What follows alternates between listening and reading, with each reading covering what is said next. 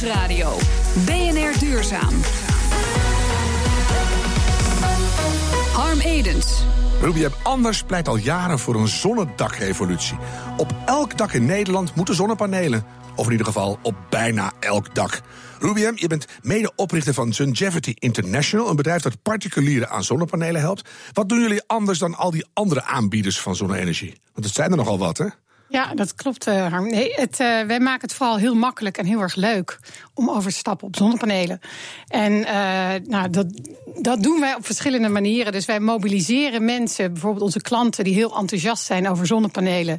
En je verdient het binnen zes jaar terug. En dan heb je nog twintig jaar lang profijt van gratis stroom. Mag nog wel een keer gezegd worden. Ja, mag nog wel een keer gezegd worden. Gewoon doen. Ben je eruit. Ja, Ja. zo'n no-brainer. Maar wij, wij, wij gaan echt die kracht van die klant die enthousiast is, die mobilise- mobiliseren wij. En we hebben bijvoorbeeld één ambassadeur die heeft gewoon 150 buren overgehaald om met z'n allen in de straat over te stappen op zonnestroom. Maar jullie hebben een goede tactiek. Je doet iets met eh, Google Earth en, en, en klik, klak, klander. En dan heb je een aanbieding in de bus. Ja, nou, ik ben eigenlijk altijd geobsedeerd door daar waar dingen moeilijk lopen. Hoe kunnen we nou dingen innoveren, iets anders doen om een doorbraak te krijgen? Dus zo hebben we tien jaar geleden inderdaad eh, uitgevonden dat je met behulp van wat wij noemen remote solar design, dus vanaf je laptop eh, een mooi ontwerp maken en in drie muisklikken zonnepanelen op je dak. Dat hebben wij geïntroduceerd. Inmiddels doet iedereen dat. Dus dat is voor ons een compliment, vinden wij fantastisch.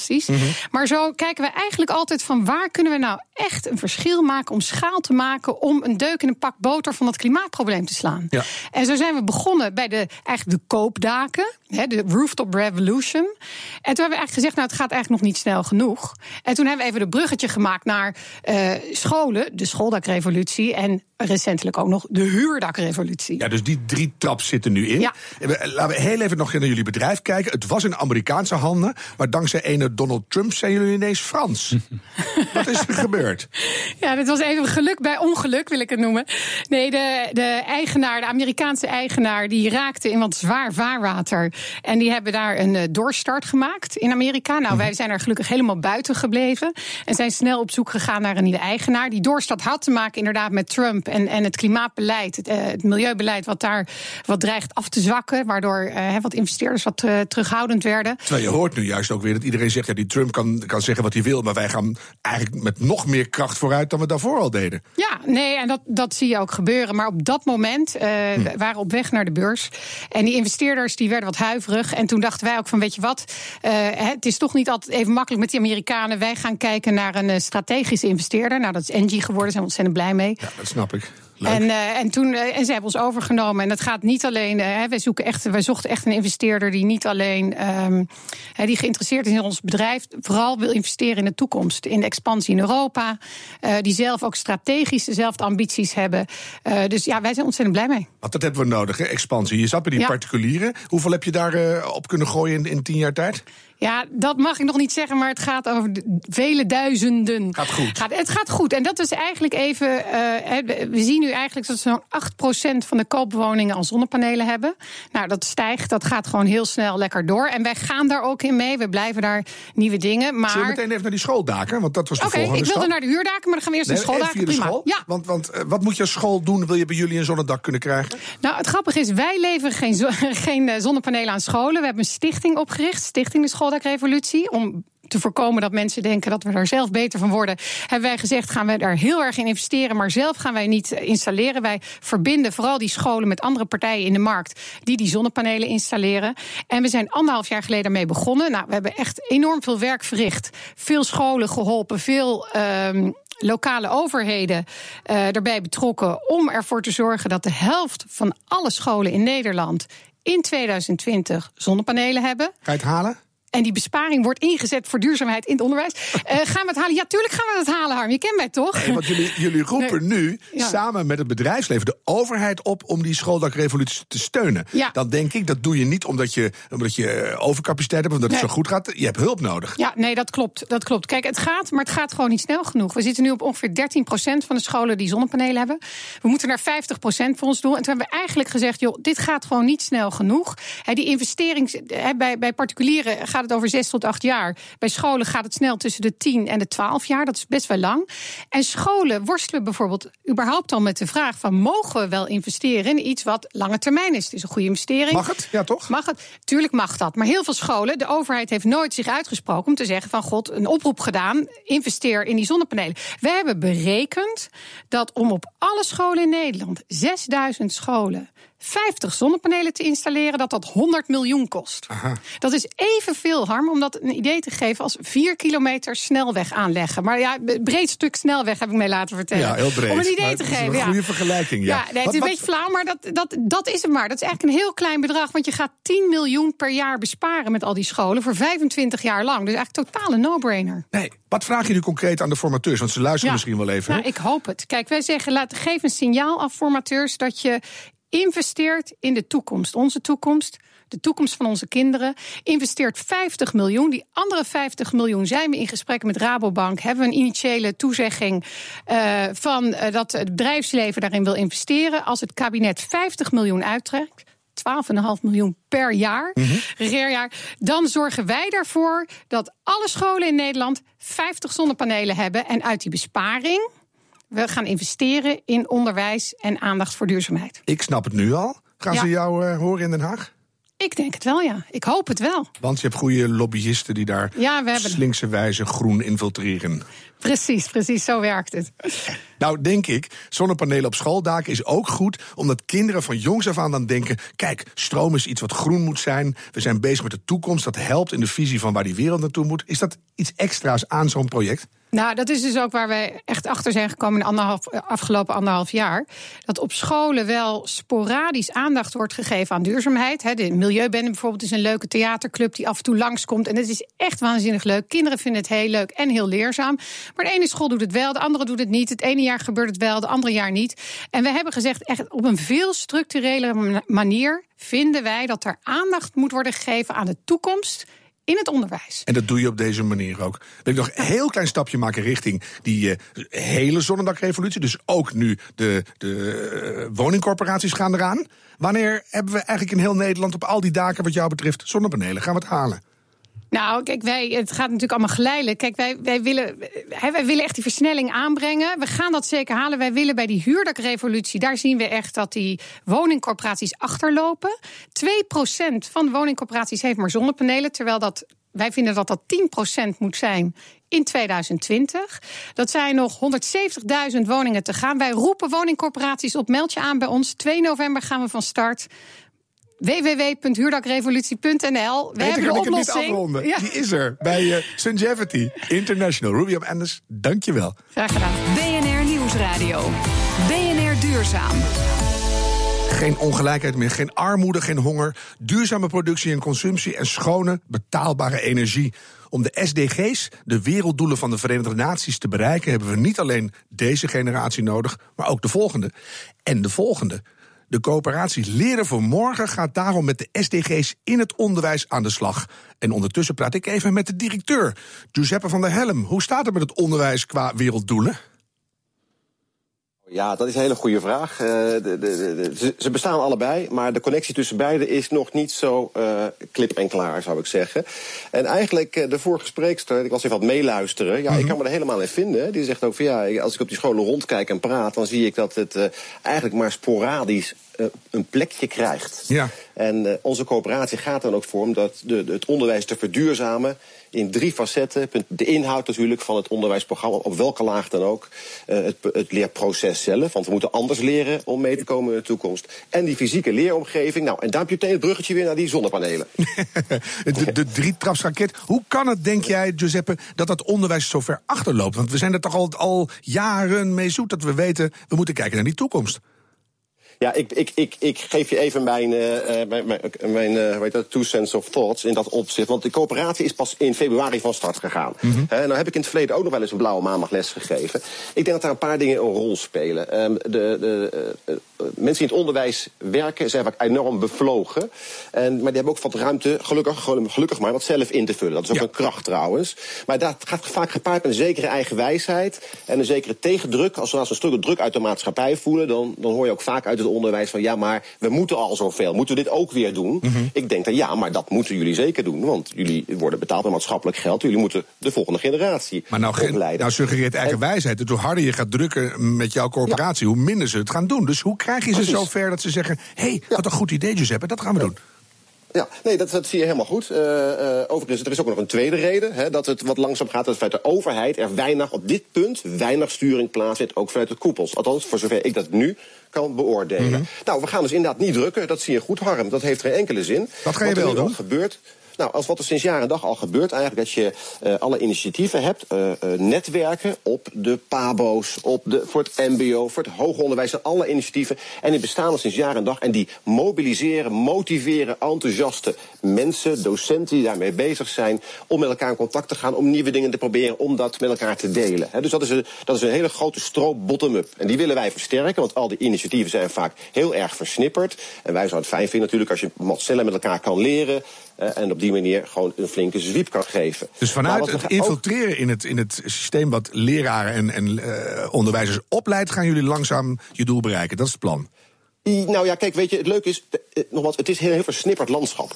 Dus die coöperatie heeft niet een ambitie om straks een torenflat kantoorgebouw neer te zetten om alles op te lossen. Nee, de mensen die het oplossen, die zijn er al, die werken al. En die gaan we gewoon wat beter met elkaar verknopen. Het doel is dus dat wij zaken gaan vinden, vragen naar boven kunnen krijgen. Mhm. En ook weer gaan verdelen onder de leden van het netwerk, waaronder ook scholen zijn. Ik denk en zo dat zijn we een heel ja. ja, we zijn een heel netwerk voor het MBO nu aan het inrichten. Hè, met, met, met de regio-gidsen. Dat zijn mensen die op scholen werken, op, op ROC's. Die al bezig zijn met eh, duurzaamheid, die alles van weten. Maar die soms zeggen: hey, ik zou graag meer input willen hebben. Of wat meer dingen willen delen met mensen aan de andere kant van Nederland. Ja. Nou, dat, dat, dat gaan wij regelen, zeg maar. Dus dat is de bottom-up stroming. Jullie worden de spin in het duurzame web, eh, wat onderwijs heet. Wat mooi. Nou, hebben, nou krijgen de basisonderwijs. Wat zeg je? Ja, ja, er komt nog een tweede stroming bij die we graag op willen starten. En dat is meer de top-down stroming. En dat is waar het zo stil blijft. Mhm. Want wat je nou ziet is dat die, on, die, die, die, die, die uh, docenten en de, de coöperatie is van kinderopvang tot postdoc. Hè. Dus het is, het is nogal wat. Hè. Maar je ziet vaak dat dus de docenten wel gemotiveerd zijn, maar vaak zeggen ja. Maar ik zit op een HBO-instelling en mijn, mijn, mijn, mijn, mijn, faculteitsgroep die is niet geïnteresseerd. En laat staan dat eh, het bestuur, zeg maar. En dat hoor je, die geluiden hoor je ook wel van VO's terug. Ik ben mijn oudste zoon, heb ik, uh, die gaat nu beginnen op een middelbare school. Ik heb allerlei voorlichtingsdagen afgelopen. Mm -hmm. Het woordje duurzaamheid heb ik niet gehoord. Kijk, en ik heb echt heel wat scholen bezocht. Dus dat, is, dat, is, dat, is, dat wil niet zeggen dat ze er niks aan doen. Maar het wordt op niveau niet gezegd van dit is een speerpunt. Of hier zijn we trots op. Ja. Of dit gaan we delen met anderen. Nou, dat proberen wij dus en op het ministerie. En bij de koepels. En bij de schoolbesturen. Ook bespreekbaar te maken. Ook op te laten aan te geven. Wat kan je dan doen? Hè? Uh, mm -hmm. wat, wat, is er dan mogelijk? Hoe, hoe presteer je? Dan kan je het vergelijken met elkaar, die verschillende scholen. Dat ze ook meer inzicht krijgen. En dat je ook eigenlijk de waardering en de erkenning krijgt die die docenten weer nodig hebben. Om dat zegenrijke werk te doen. Ik denk dat je het schitterend hebt uitgelegd. In de langste zin ooit uitgesproken in BNR Duurzaam. Dankjewel, Giuseppe van der Helm, directeur van de coöperatie Leren voor Morgen. De circulaire economie, iedereen heeft het erover, maar wie doet het ook echt? Wij nemen de stand op met een circulaire pionier. Zo in BNR Duurzaam. BNR Nieuwsradio. BNR Duurzaam.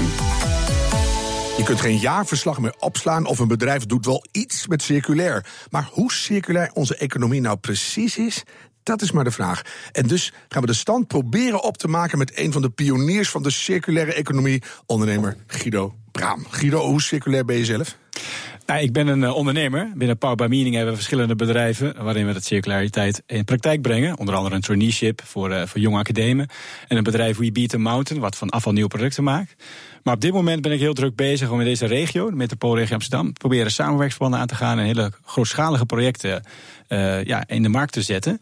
Uh, met open innovatie. En uh, nou ja, om echt maar te zorgen dat die circulaire economie van praten naar doen gaat. Kun je één concreet voorbeeld geven van wat jullie doen? Bijvoorbeeld Nike heeft een sportschoen. Die kan je als die afgesleten is terugbrengen. Dan wordt die door een robot uit elkaar getrokken. En door, geloof, 2% toevoeging van materiaal en energie heb je een nieuwe schoen. Hartstikke circulair. Ja. Wat, heb jij zo'n voorbeeld? Nou, ik maak bij Beat the Mountain maak je dergelijke producten. Maar in dit, dit, dit samenwerkingsverband, C-Creators, willen we echt heel graag eh, die grootschalige projecten, bijvoorbeeld de 250.000 woningen in deze regio, circulair maken.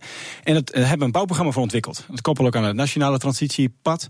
En daar zit bijvoorbeeld in uh, Haarlemmermeer, die heel erg voorop loopt met die circulaire economie. Daar zit een wijk, dit, uh, de Tudorwijk, daar worden 200 nieuwe woningen gebouwd.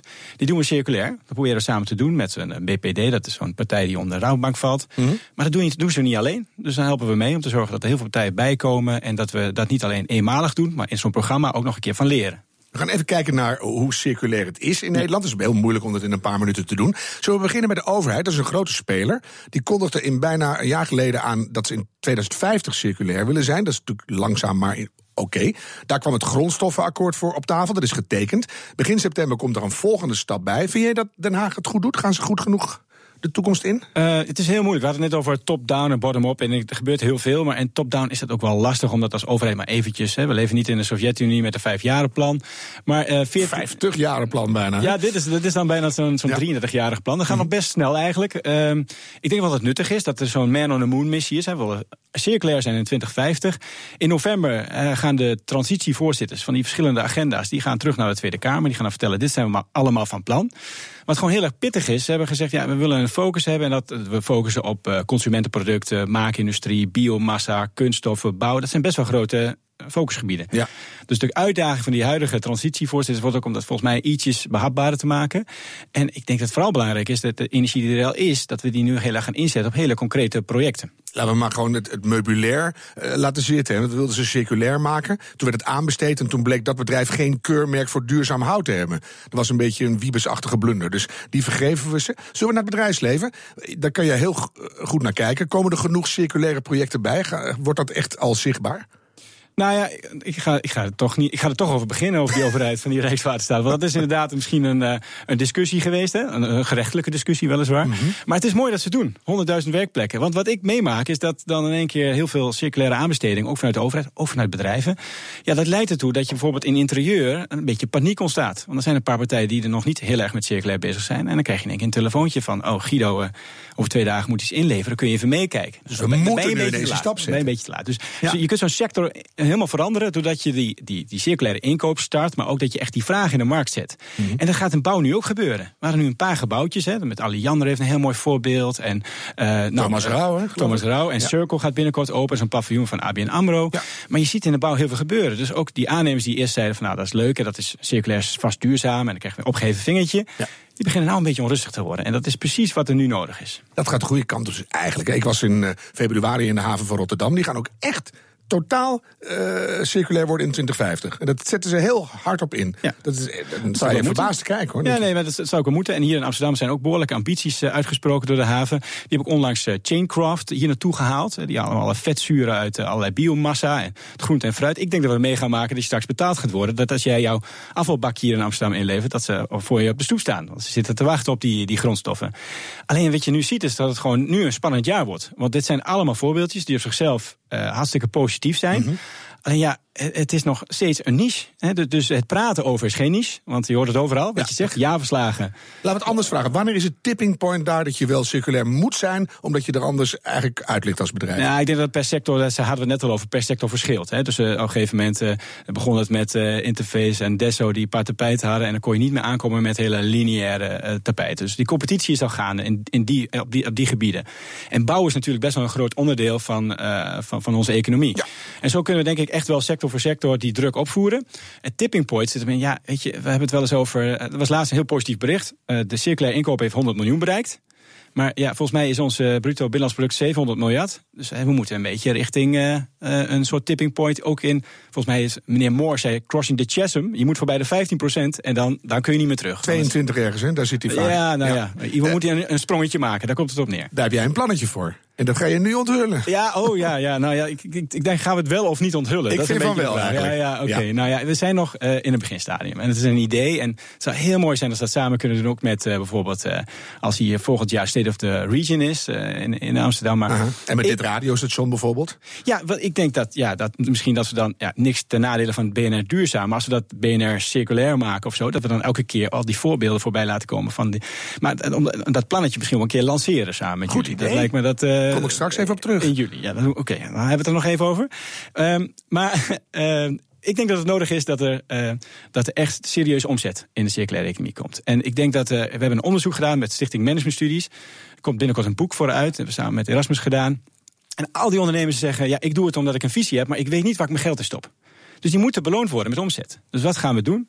Eh, wij willen de biggest circular launch party ever organiseren volgend jaar. En dan willen we eigenlijk dat er straks gewoon eh 10 miljard aan opdrachten te geven is. 10 miljard in 2018. Ja, maar dat, maar weet je, dat zijn contracten die misschien 10 jaar duren of iets dergelijks. Maar Maar dan bij zijn elkaar ze opgeteld. En dat, en dat bouwen we helemaal op totdat we live gaan. En dan nou ja, lanceren we dat met een groot feestje. En wat is het effect daarvan? Dat A, dat iedereen het serieus neemt. En B, Nou ja, waar we het net over hadden. De paniek. eh, eh, ja, nu moet ik toch echt wel serieus aan de slag. En de beloning. Want ik heb geïnvesteerd hierin. En nu krijg ik eindelijk eh, ook eh, het gelijk in mijn kassalade. kijk, jij straalt, Rubiem straalt. En Jij ik word hier ook heel blij van. Dank Guido Braam, ondernemer en een van de pioniers van de circulaire economie. BNR Nieuwsradio. Duurzaam. Harm Edens. Rest mij nog één. Laatste vraag. En omdat dit de laatste uitzending is van BNR Duurzaam, ja, u hoort het goed, blikt de redacteur Pauliense Wuster terug op ons programma. Ja, wat klote dat het stopt. Rens de Jong, dames en heren, de BNR-presentator die BNR Duurzaam bedacht. Hij wilde eigenlijk een programma maken over wetenschap en techniek. Dat kwam niet van de grond en toen dacht Rens... Als we het nou duurzaam noemen, misschien wordt dat dan wel interessant. En dat was eigenlijk alleen maar voor de geitenwolle sokken.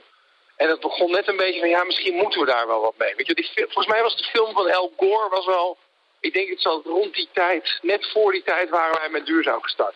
Oud-presentator Mark Beekhuis kan zich die goede oude tijd nog goed herinneren. In 2008 waren we in Kopenhagen met dat programma. En toen, eh, toen was de wereld helemaal niet zo bezig met duurzaamheid en met energie en circulaire energie, circulaire economie. Dat hele woord bestond nog niet eens. En toen maakten wij dit programma elke week. En nu? Gaan we stoppen? Ja, wrijf het er nog maar even in, Mark. Ik ga over naar Hester van Dijk, ook oud-presentator van het programma. Er zat heel veel bruisen in. Er zaten altijd allemaal mensen waren er te gast die zin hadden in goede dingen te bedenken en eh, die oplossingen wilden bedenken voor moeilijkheden en problemen. En met die gasten haal ik herinneringen op. Eerst duurzaam ondernemer Ruud Koornstra. Dat waren de gekke Henkies. En die gekke Henkies hadden gewoon gelijk. En dat was toch waar BNR Duurzaam als eerste bij was en het als eerste bracht. En dat gaan we missen nu. Dat is echt een slechte zaak. En Mark Beumer van het Groene Brein. Hij heeft jarenlang bijgedragen aan BNR Duurzaam. Wat ik eh, het mooie vind aan BNR Duurzaam is dat het eigenlijk tien jaar lang het enige eh, geluid is geweest op de radio en misschien wel in de media waarin eh, duurzaamheid en business gewoon samen zijn gekomen. Daar is hoogleraar klimaatverandering Pier Vellinga het mee eens. BNR Duurzaam heeft daar zeker aan bijgedragen dat ook alle automobilisten op de hoogte zijn van eh, hoe aantrekkelijk eigenlijk duurzaam kan zijn. Zonder luchtverontreiniging, zonder klimaatverandering heb je ook een hele goede economie. En tot slot duurzaamheidsgoeroe Maurits Groen. BNR Duurzaam is er jarenlang in geslaagd om een aantrekkelijk, hoogkwalitatief, pittig programma te maken. Dankjewel Maurits, dat steken we in onze zak. Maar nu over naar ernstige onderwerpen. We zijn straks weg. Maar iedereen die ik sprak is het erover eens. We komen vast terug. Misschien onder een andere naam. Dus ik denk dat je het misschien zou gaan noemen BNR over de nieuwe economie. Om het zo maar even te zeggen, want daar gaat het de facto eigenlijk over. U hoorde Maurits Groen. Ook klimaatprof Pier Vellinga heeft een nieuwe naam voor ons. Ik zou kiezen voor eh, beter voedsel met BNR. Of misschien toch BNR Circulair, zegt Rens. Ja, circulair is nu een hot topic natuurlijk. Hè? Dat is weer de, de next step in duurzaamheid. Ja, dat vonden wij nou ook. Dus we gaan heel hard werken aan een nieuw programma. Luisteren naar de naam BNR Circulair. Voor nu, alle medewerkers en alle luisteraars, dank voor de jarenlange trouwe steun. En wilt u geen afkikverschijnselen? Dan kunt u ons terugluisteren via bnr.nl, de BNR-app of stream ons via iTunes en Spotify. Zometeen is Roos Abelman hier met BNR Spitsuur. Tot gauw, en ik zeg het nog één keer: hou hoop en doe het duurzaam.